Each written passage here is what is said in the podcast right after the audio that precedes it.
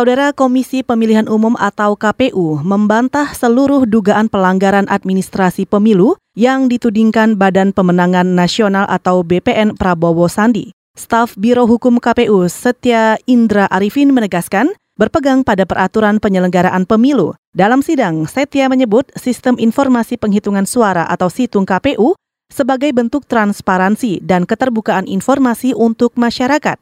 KPU tidak menepis terjadi kesalahan input data di situng KPU, namun sudah ada perbaikan data. Tidaklah terbukti dan tidaklah benar seluruh dalil-dalil berlapor yang menyatakan bahwa terlapor melakukan pelanggaran administratif pemilu dan terlapor terbukti telah berpegang secara teguh kepada mekanisme dan prosedur yang diatur dalam peraturan undang-undangan maupun kerangka hukum pemilu lainnya.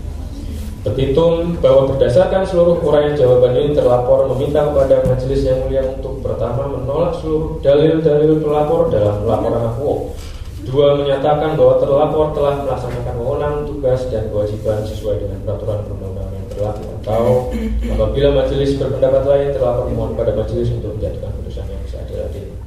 Dalam sidang lanjutan adjudikasi kemarin, KPU menjawab dugaan kecurangan administrasi lain yang menjadi laporan BPN, yaitu soal lembaga survei yang memihak kepada salah satu paslon. Menurut staf Biro Hukum KPU, 40 lembaga survei yang telah diverifikasi oleh KPU merupakan bentuk dari partisipasi masyarakat dalam pemilu 2019.